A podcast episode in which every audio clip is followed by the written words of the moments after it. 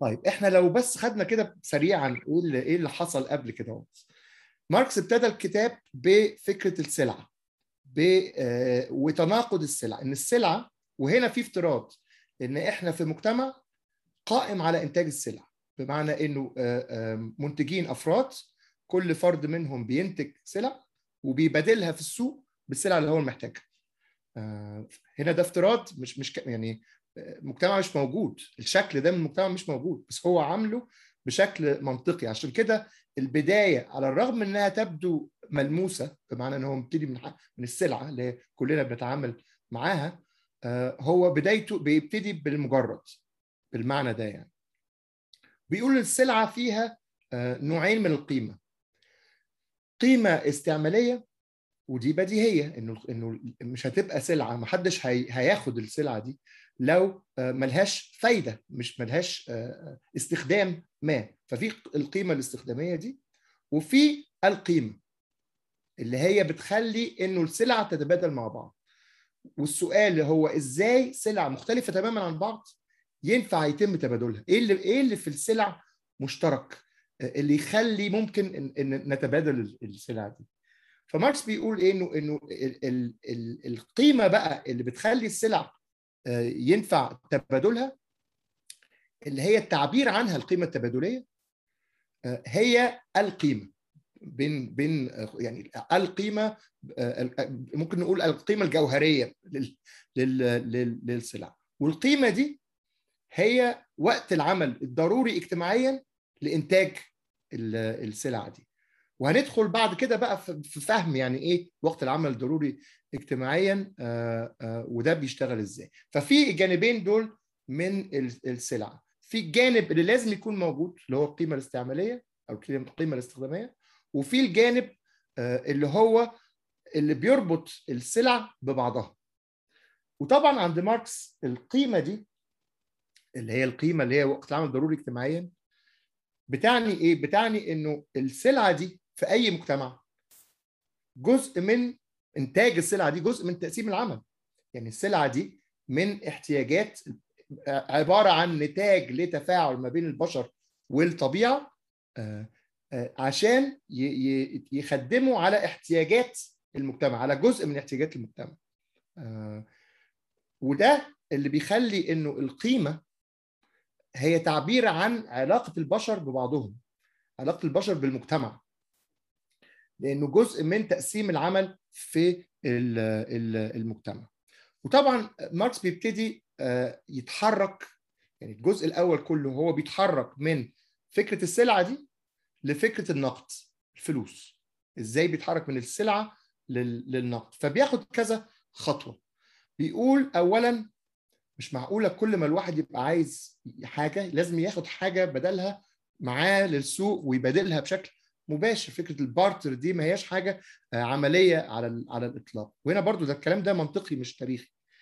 آه، ف محتاجين نشوف إزاي يبقى في حاجة تعادل السلعة وتلعب دور معادل للسلع فبيقعد يجرب سلع مختلفة يقول آه، وبيعمل معادلة ما بين القيمه القيمة النسبية أو الشكل الشكل النسبي والشكل المعادل. الشكل النسبي هو أنا عندي حاجة و و و وعايز أقيمها بالشكل ال- المعادل.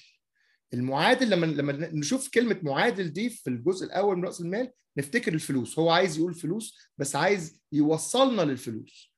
هو عايز يقول إنه التبادل السلعي هو اللي خلق احتياج لمعادل عام هو اللي خلق احتياج للفلوس. مش العكس مش لأنه في فلوس أو لأنه في حاجة قيمة قوي فلعبت الدور ده. لا الاحتياج لمعادل عام هو اللي بي بي بيحركنا في السكة دي. النسبي والمعادل. آه النسبي هو اللي محتاجين نقيسه. المعادل هو اللي بنقيس بيه. المثال بتاع ده الأوزان الحديد في الميزان الميزان القديم. الأوزان الحديد دي إيه دورها؟ دورها إنها تبقى معادل ل وزن الحاجات. فأنت بتحطي بطاطس على ناحية وبتحطي قطع الحديد دي. قطع الحديد دي مجرد معادل في الحالة دي. معادل بقى للبطاطس معادل للجزر معادل لأي حاجة هنحطها الناحية الثانية اللي هي بتلعب الدور ده. فالمعادل العام هو النقد. فبيدخل بياخد خطوة من السلعة للنقد. النقد بقى نفسه فلوس برضو فيها تناقضات. بيشرحها ماركس إنه إنه النقد لازم يلعب دور. مقياس للقيمة زي ما قلنا زي زي بالظبط الحديد اللي بنحطه في ال ال ال الكيلو نص كيلو ربع كيلو اللي بيحطه البقال عشان يوزن بيه الحاجات زمان. بنفس المنطق ده الفلوس لازم تبقى قادرة على إنها تبقى مقياس للقيمة. دور أساسي للفلوس إنه مقياس القيمه الدور الثاني للفلوس إنها وسيلة للتداول طريقة إن إحنا ينفع نتبادل بيها السلع اللي كل حد بينتجها. بمعنى إن أنا مش هروح أبادل السلعة بسلعة تانية هبادلها بفلوس هبيعها بفلوس وبالفلوس دي هشتري أي سلعة تانية. ف وطبعا الدور الثالث اللي هو بيتكلم عنه بشكل مختصر لأنه هيتكلم عنه بعد كده في المجلد الثالث الدور الثالث اللي هو وسيلة للدفع. طبعا أنا بختصر جامد جدا أنا بس عايز عايز يبان الستراكشر يبان هو بيبني إيه. فالنقد بيلعب الثلاث أدوار دول أساسا. يعني بيلعب أدوار ثانية بس دول الثلاثه الأساسيين.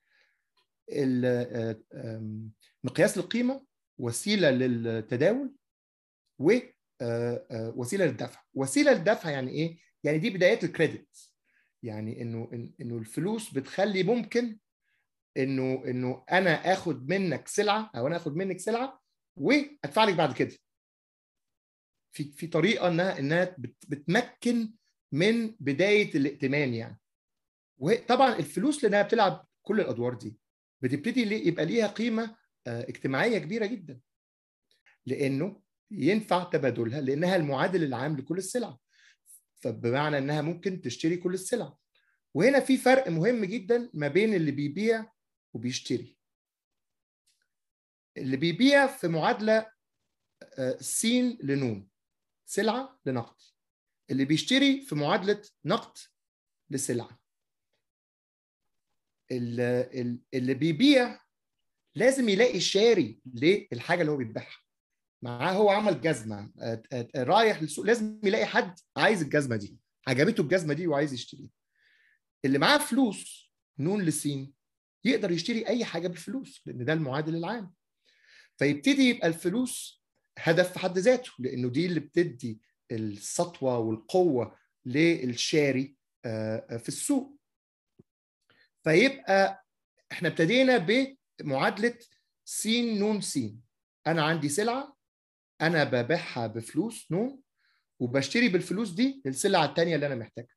فأنا كده ابقى بدلت السلعة بسلعة ثانية من خلال الفلوس. الفلوس لعبت دور في تحول السلعة دي لشكل سلعة ثانية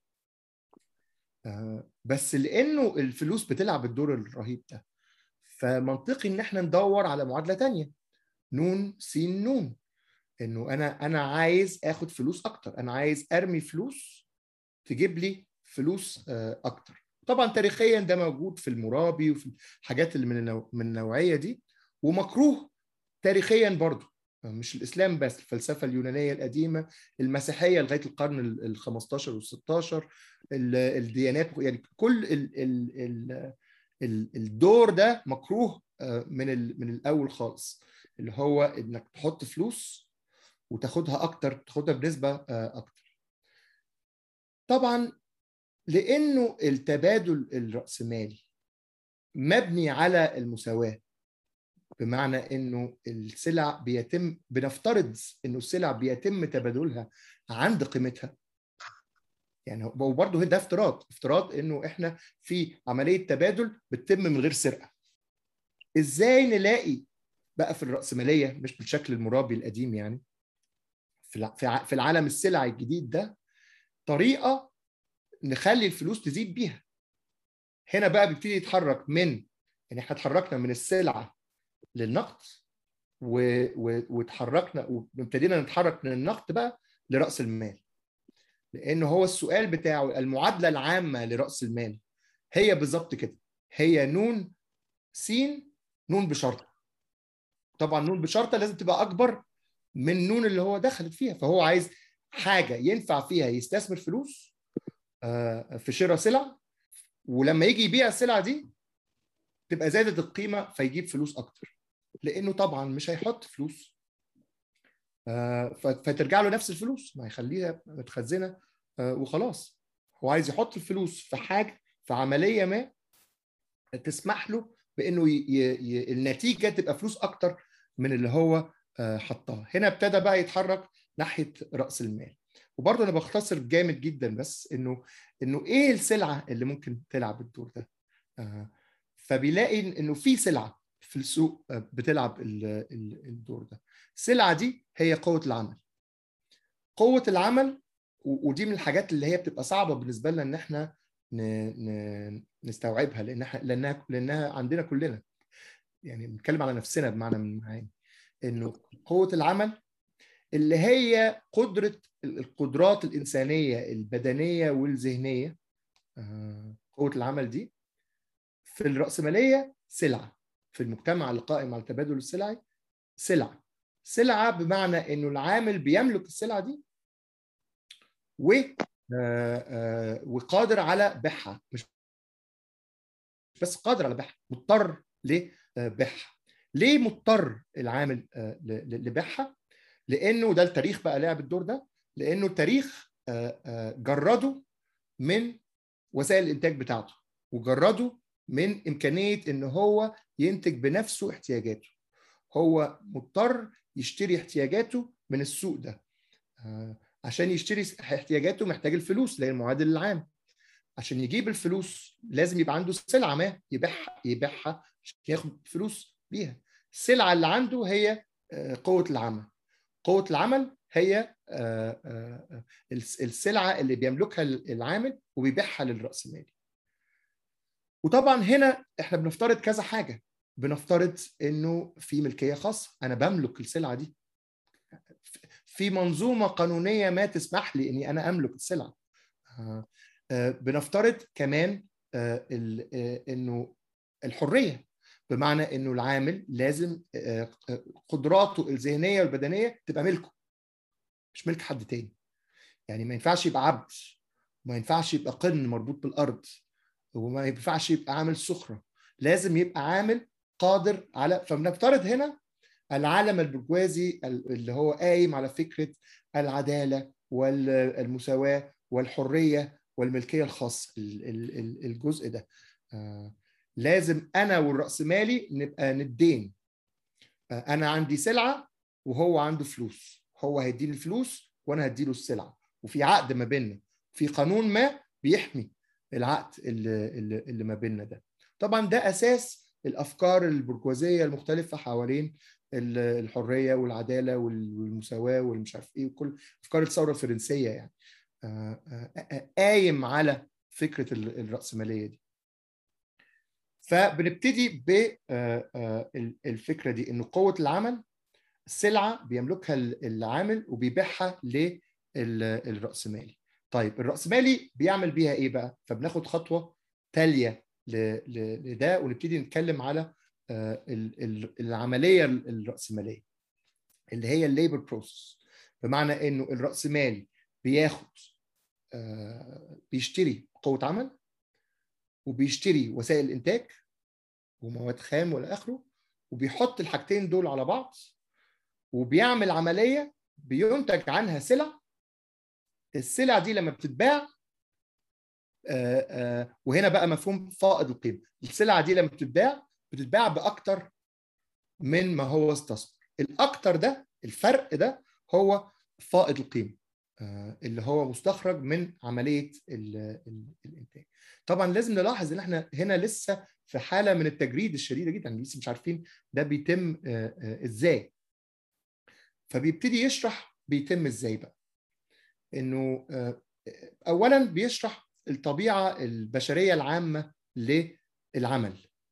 إنه التفاعل الحيوي ما بين البشر والطبيعة ده اللي بيميز الإنسان عن الحيوانات الأخرى. التفاعل الحيوي الواعي إن إنه إنه البشر بيتميزوا بالحكاية ديت. وإن ده موجود في كل المجتمعات البشرية بس بيتم بأشكال مختلفة. بمعنى إنه الشكل الاجتماعي اللي بياخده عملية التفاعل ما بيننا وبين الطبيعة بتتغير طبقا ل ما يسمى بنمط الإنتاج. إيه الطريقة اللي بيتم الإنتاج بيها؟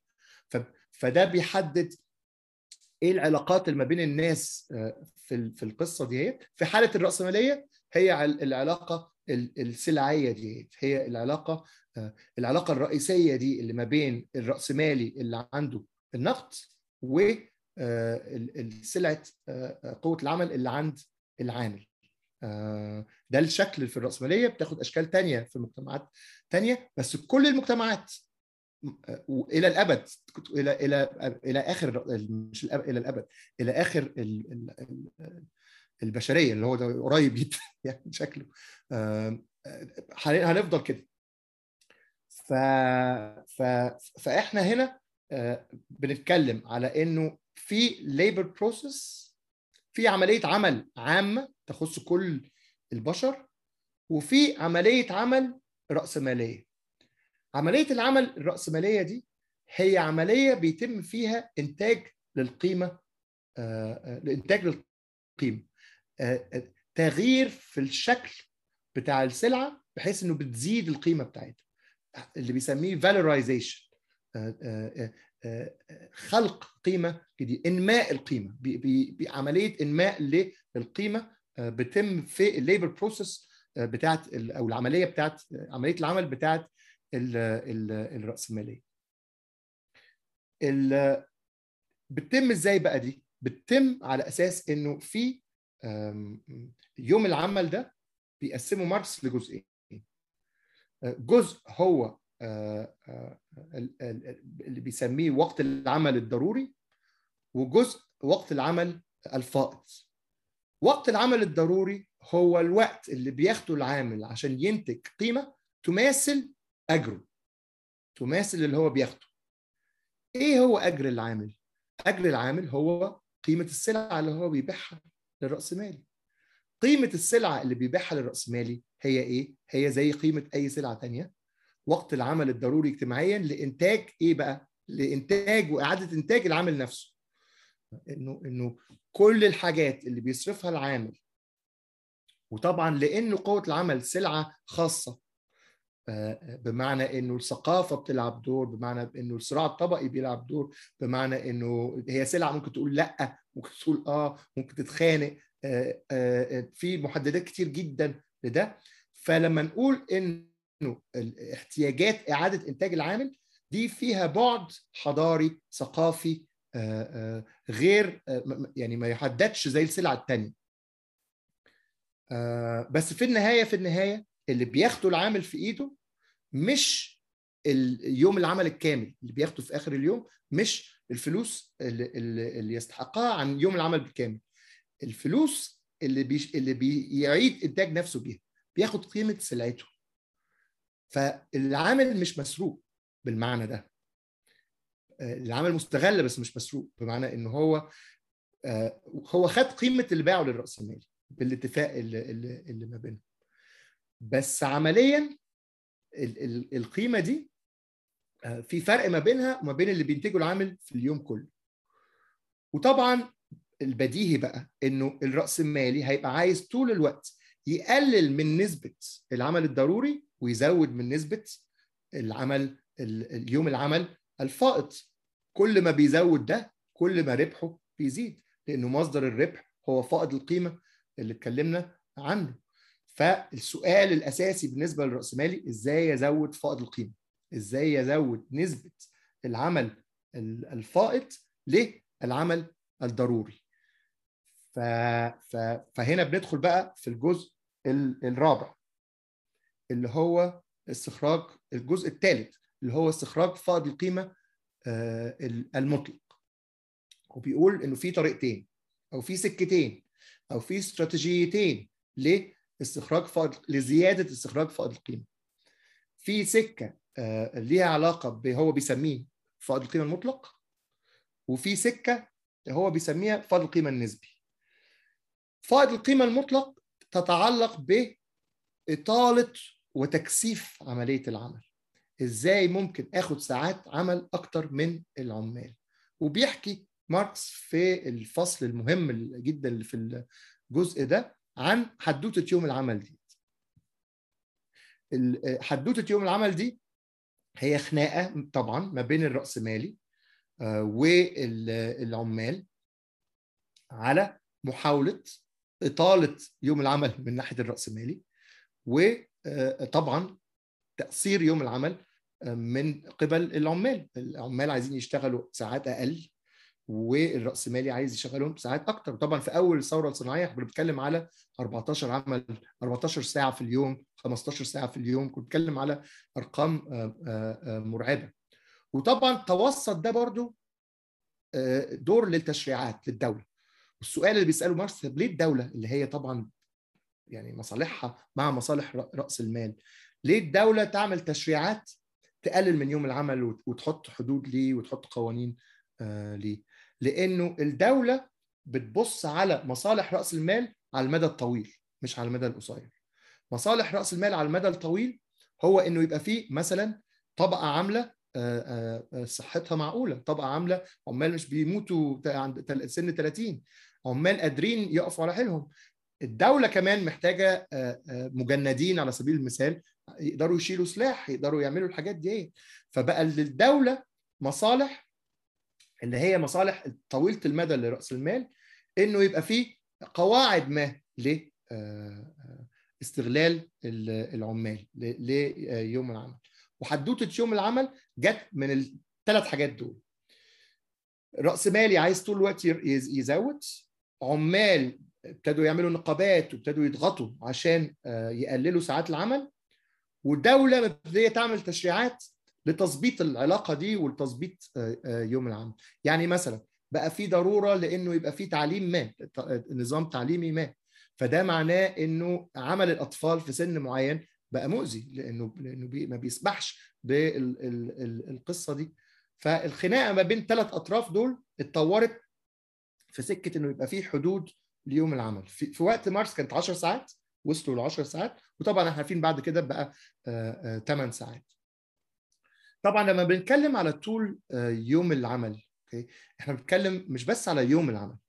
في يوم العمل في أسبوع العمل في شهر العمل في سنة العمل وفي عمر العمل. الخناقة على كل المستويات دي. والخناقة دي على كل مستوياتها مستمرة لغاية دلوقتي. ال ال ال الرأسمالي عايز يزود ساعات العمل ويزود أسبوع العمل ويزود سنة العمل ويزود طبعا سن المعاش اللي هو عمر العمل عايز ياخد أكتر. والعمال عايزين طول الوقت يقللوا يقللوا من ده. ومهم نلاحظ بالمعنى ده إنه استخراج فائض القيمة المطلق ده معانا لسه ما هوش حاجة في التاريخ. حاجة بتحصل كل يوم. النهارده في الانتخابات الفرنسية وطبعا هي حاجة مضحكة شوية. إنه ماكرون عايز يزود سن المعاش من 62 و 64 والست الفاشية بتاع لوبان عايزة تنزلها من 62 ل 60 في في في انتهازية صارخة اللي هي هي حادفة شمال فيما يتعلق بالمطالب العماليه الكسب أرضية ما بينهم. بس الخناقة اللي رايح ينتخب مهمة بالنسبة له النهارده في فرنسا في 2022 أنا هدي لصاحب العمل قد إيه؟ وأنا هاخد قد إيه؟ أنا هدي له 64 سنة من عمري ولا 60 سنة من عمري ولا 62 سنة من عمري ولا قد إيه؟ أنا هدي له في الأسبوع 44 ساعة ولا 40 ساعة ولا 35 ساعة. أنا هاخد weekend يوم ولا يومين ولا يومين ونص. دي دي خناقة طويلة المدى في في كل الراسماليات يعني طبعا بتختلف من بلد لبلد ومن ظروف لظروف بس طبعا هي حاجة خناقة ما بين الطبقة العاملة ككل ورأس المال ككل. بس طبعا طول الوقت مشكلة فائض القيمة المطلق إيه؟ إنه في حدود حدود ليوم العمل. وحدود لعمر العمل وحدود لعدد الناس اللي ممكن لأنه أحد الأساليب إن إحنا اللي الرأسمالي يقدر يزود بيها فائض القيمة المطلق ده هو إنه يزود عدد العمال. بس زيادة عدد العمال برضه ليها حدود حدود ليها علاقة بالسكان بحجم قوة العمل المتوفرة حجم سوق العمل. عشان كده في مدخل طبعا في الجزء السابع هيتناوله ماركس مدخل لنظرية مختلفة عن السكان عن عن إيه يعني إيه علاقة التطور الرأسمالي بالسكان فلما الرأسمالي بيوصل للحدود دي بيبتدي يدور على بدائل لزيادة فائض القيمة. وهنا بقى بندخل في الجزء اللي بعد كده اللي هو الجزء الرابع اللي هو استخراج فائض القيمة النسبي. اللي هو عبارة عن إيه؟ عبارة عن تغيير حاجات ملهاش علاقة بطول العمل طول يوم العمل بس تزود الإنتاج. يعني ان إحنا نزود الفائض القيمة من خلال زيادة الإنتاجية.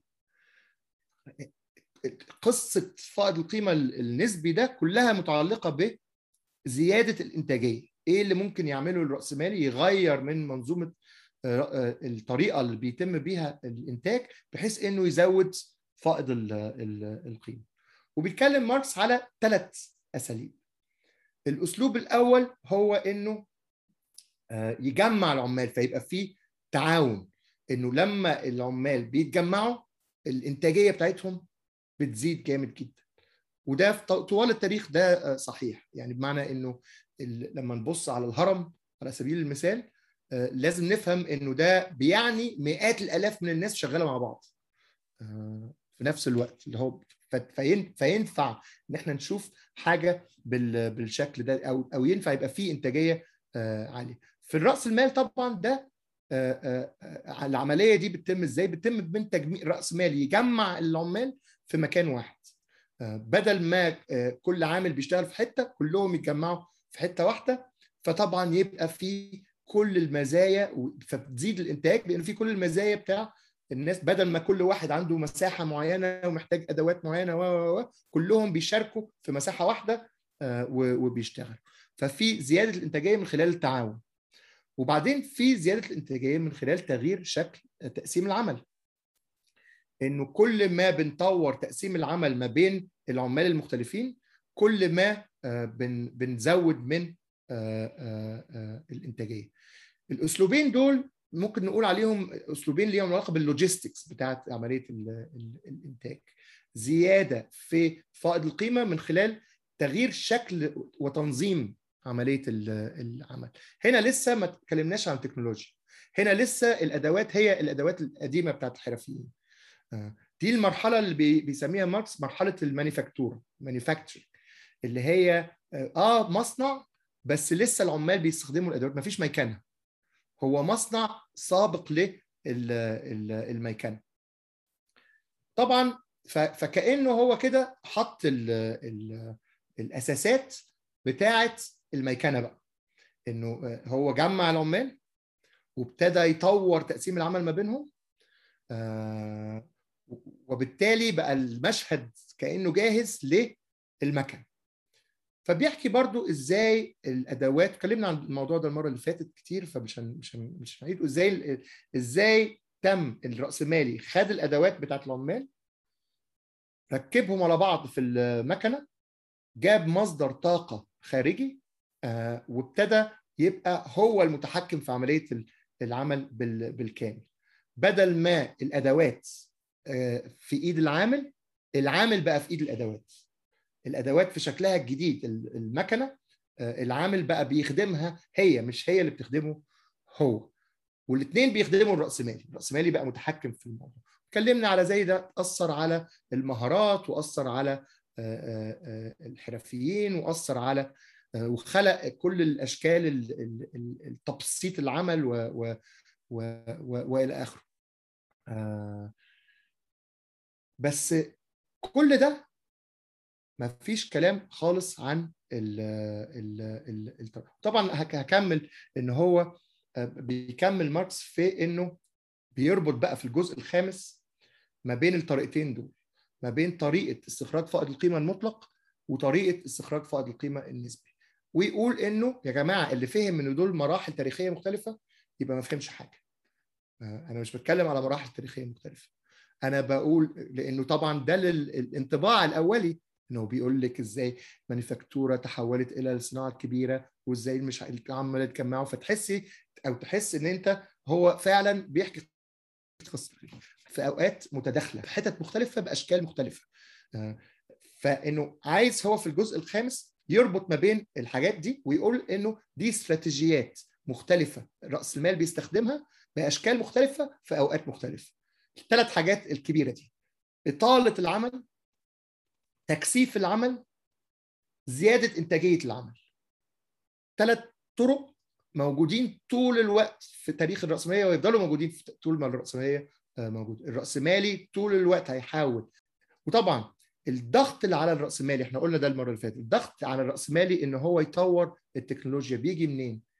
بيجي من إن هو عايز يخلق لنفسه ميزة نسبية في السوق تمكنه من إنه يكسب في التنافس بتاع السوق وإنه ياخد جزء أكبر من السوق. ففي ضغط تنافسي دائم على الراسمالي إنه يطور من إنتاجية شغله فيغير من الميكنة ويغير من التكنولوجيا ويغير من المنتج طول الوقت. في الضغط الضغط ده.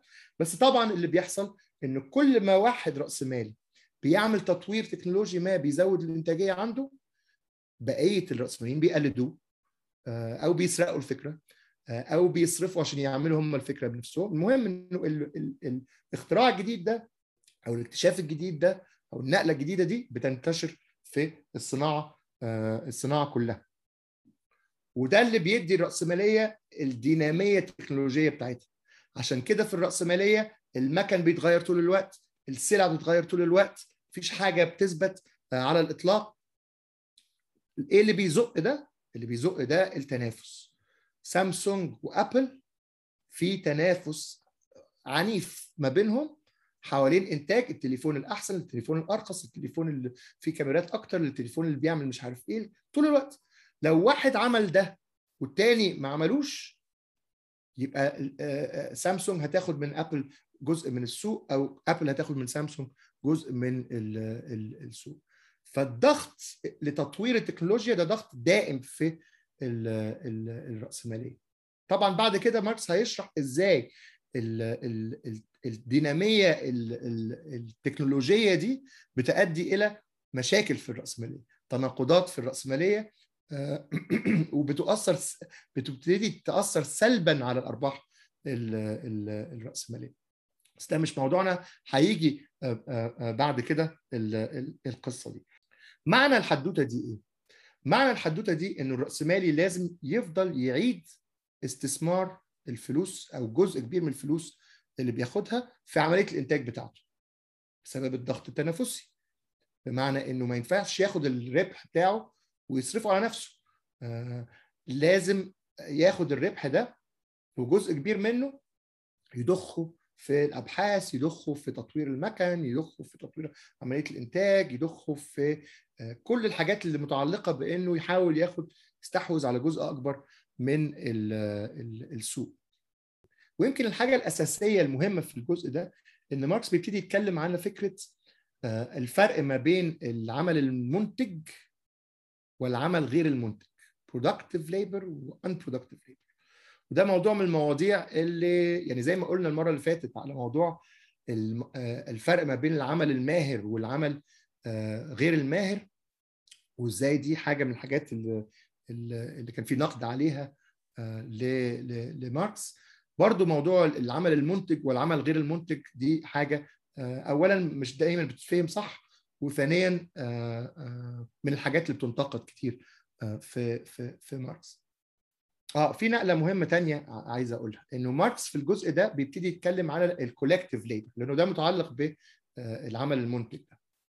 إنه العمل المنتج هو العمل المشارك في إنماء القيمة اللي إحنا اتكلمنا عنه قبل كده في ال valorization أي عمل مش مشارك في ال valorization ما هواش عمل منتج. العمل المنتج هو العمل اللي بيستخرج منه فائض قيمة. labor لما بيشتغل بيطلع منه فائض فائض قيمة. بس ده مش العمل الوحيد. في واحد بيروح ينظف في البيت هو ده مش بيستخرج منه فائض قيمة. بس بيشتغل. أجير. جزء من طبعا عامله طبعا. ما هواش عامل منتج. طبعا في ناس بتاخدها بشكل أخلاقي يعني إن هو ليه مش منتج يعني يعني وماركس بيقول إنه الموضوع ما هواش يا ريت كل العمل ما يبقاش منتج هو عايز عالم ما بينتجش فائض قيمة. هو عايز يوصل لده. يعني يعني إنه إنه الواحد يبقى بيشتغل عمل منتج ده ورطة ما هواش ميزة على الاطلاق لأنه معناه إنه بيستغل إنه بيستخرج منه فائض فائض قيمة. ماركس بيقول إنه العامل المنتج هو العامل اللي بيستخرج منه قيمه بس مش العامل الفردي هنا في فكرة ال collective labor العمل الجماعي. إنه العمال اللي في الم... كل العمال اللي في المصنع مشاركين بشكل ما في آآ آآ إنماء القيمة دي. بما فيه العمال اللي بيكنسوا بما فيه العمال اللي بينظفوا الإزاز بما فيه العمال اللي... إنه إنه العملية دي فيها ال collective labor هم كلهم على بعض. داخلين في الموضوع ده. وممكن طبعا يبدو إنه في تناقض هنا إنه إزاي الكناس ده اللي ملوش علاقة بالمكن خالص يبقى هو كناس في المصنع هو كناس مساهم في عملية الإنتاج بشكل إجمالي ال ال ال ال الإنتاج. طبعا في مناقشات حوالين مثلا عمل المرأة في البيت. ده عمل منتج ولا عمل مش منتج؟ طبعا مش ماركس ماركس نفسه ما اتكلمش كتير على ده. بس وطبعا في نسويات كتير اتكلموا على القصة دي إنه بما إنه عمل المرأة غير المدفوع في البيت بيساهم في تقليل يوم تقليل قيمة الأجر لأنها في الآخر بتعمله من غير فلوس. لأنه لو الرأسمالي بيدفع للعامل الفلوس بتاعه الغسيل والطبيخ وتربيه العيال و ده معناه إن الأجر هيبقى أعلى بكتير. فالمرأة عمل المرأة في البيت منتج لأنه لأنه لاعب دور في الموضوع. طبعا الرد الماركسي هيبقى آه ولا يعني آه طبعا هو مساهم في ده. بس ما ينفعش نخلط ال production مع ال reproduction الإنتاج مع إعادة الإنتاج. بس هي مناقشة مهمة على أي حال. من ال ال ال الأحوال. آه وطبعا العمل المنتج هنا بيعني منتج لأي حاجة. منتج لخدمات منتج ل... مش مهم.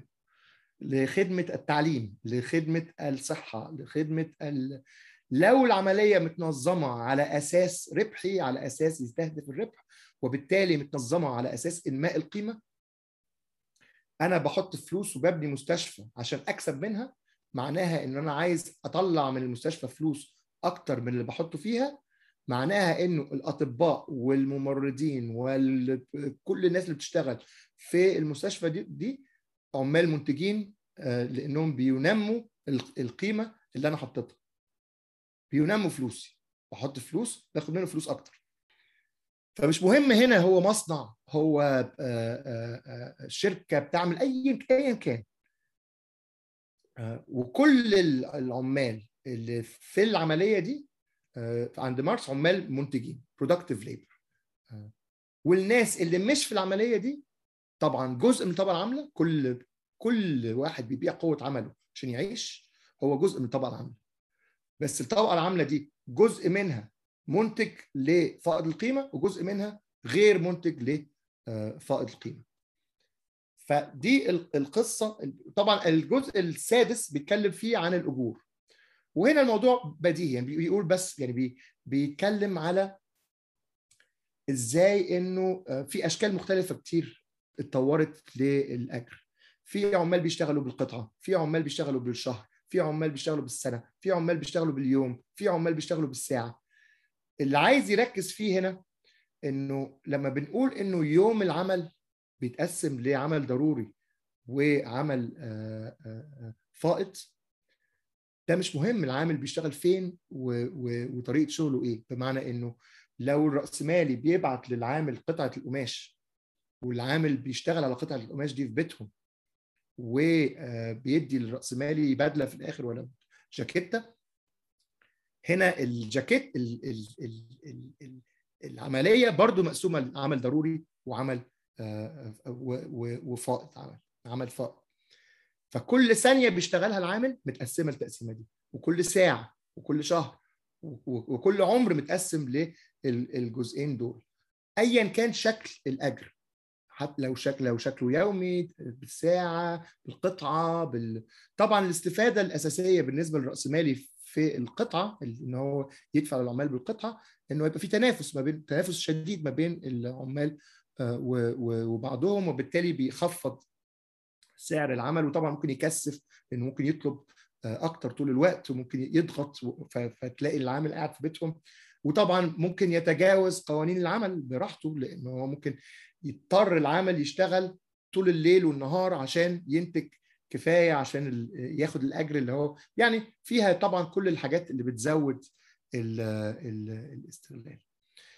طيب كل القصة اللي أنا حكيتها دي هي كأنها مقدمات للي جاي، اللي جاي هو أهم حاجة، اللي جاي هو ذروة الكتاب، اللي جاي هو تراكم الرأسمالي. إنه الرأسمالي مش بس عايز ياخد فلوس أكتر من اللي حطها. لا هو عايز يضخ الفلوس الأكتر اللي حطها في عملية الإنتاج. فلو هو ابتدى بمليون جنيه بيستثمر مليون جنيه السنة اللي بعديها عايز يستثمر مليون جنيه و200 ألف. السنة اللي بعديها مليون ونص. السنة اللي بعديها 2 مليون. فده التراكم بقى. ده بي... ده بيعني إيه؟ بيعني إنه رأس المال بتاعه لازم يفضل يكبر. لازم يفضل يكبر. لأن دي نتيجة للضغط التنافسي. أنا لازم أفضل أحط فلوس أكتر في في العملية. ففي فكرة إعادة الإنتاج. ما هو العملية الإنتاج دي مش بتحصل مرة واحدة خلاص كل واحد بيروح بيته. يعني هو حط فلوس فبينتج سلع بيبيع السلع فبقى عنده عنده فلوس تاني وبيعيد مش هيقفل المصنع هيعيد الكره مرة كمان ومرة كمان ومرة كمان. الفكرة بقى اللي ماركس بيقولها إنه كل مرة في مراكمة لرأس المال في القيمة رأس المال بتكبر الكحكة بتفضل تكبر. الحاجة اللي إحنا اتكلمنا عنها شوية امبارح المرة اللي فاتت في ال charts والحاجات دي. إيه اللي بيخلي الموضوع كله يفضل يكبر بالشكل ده؟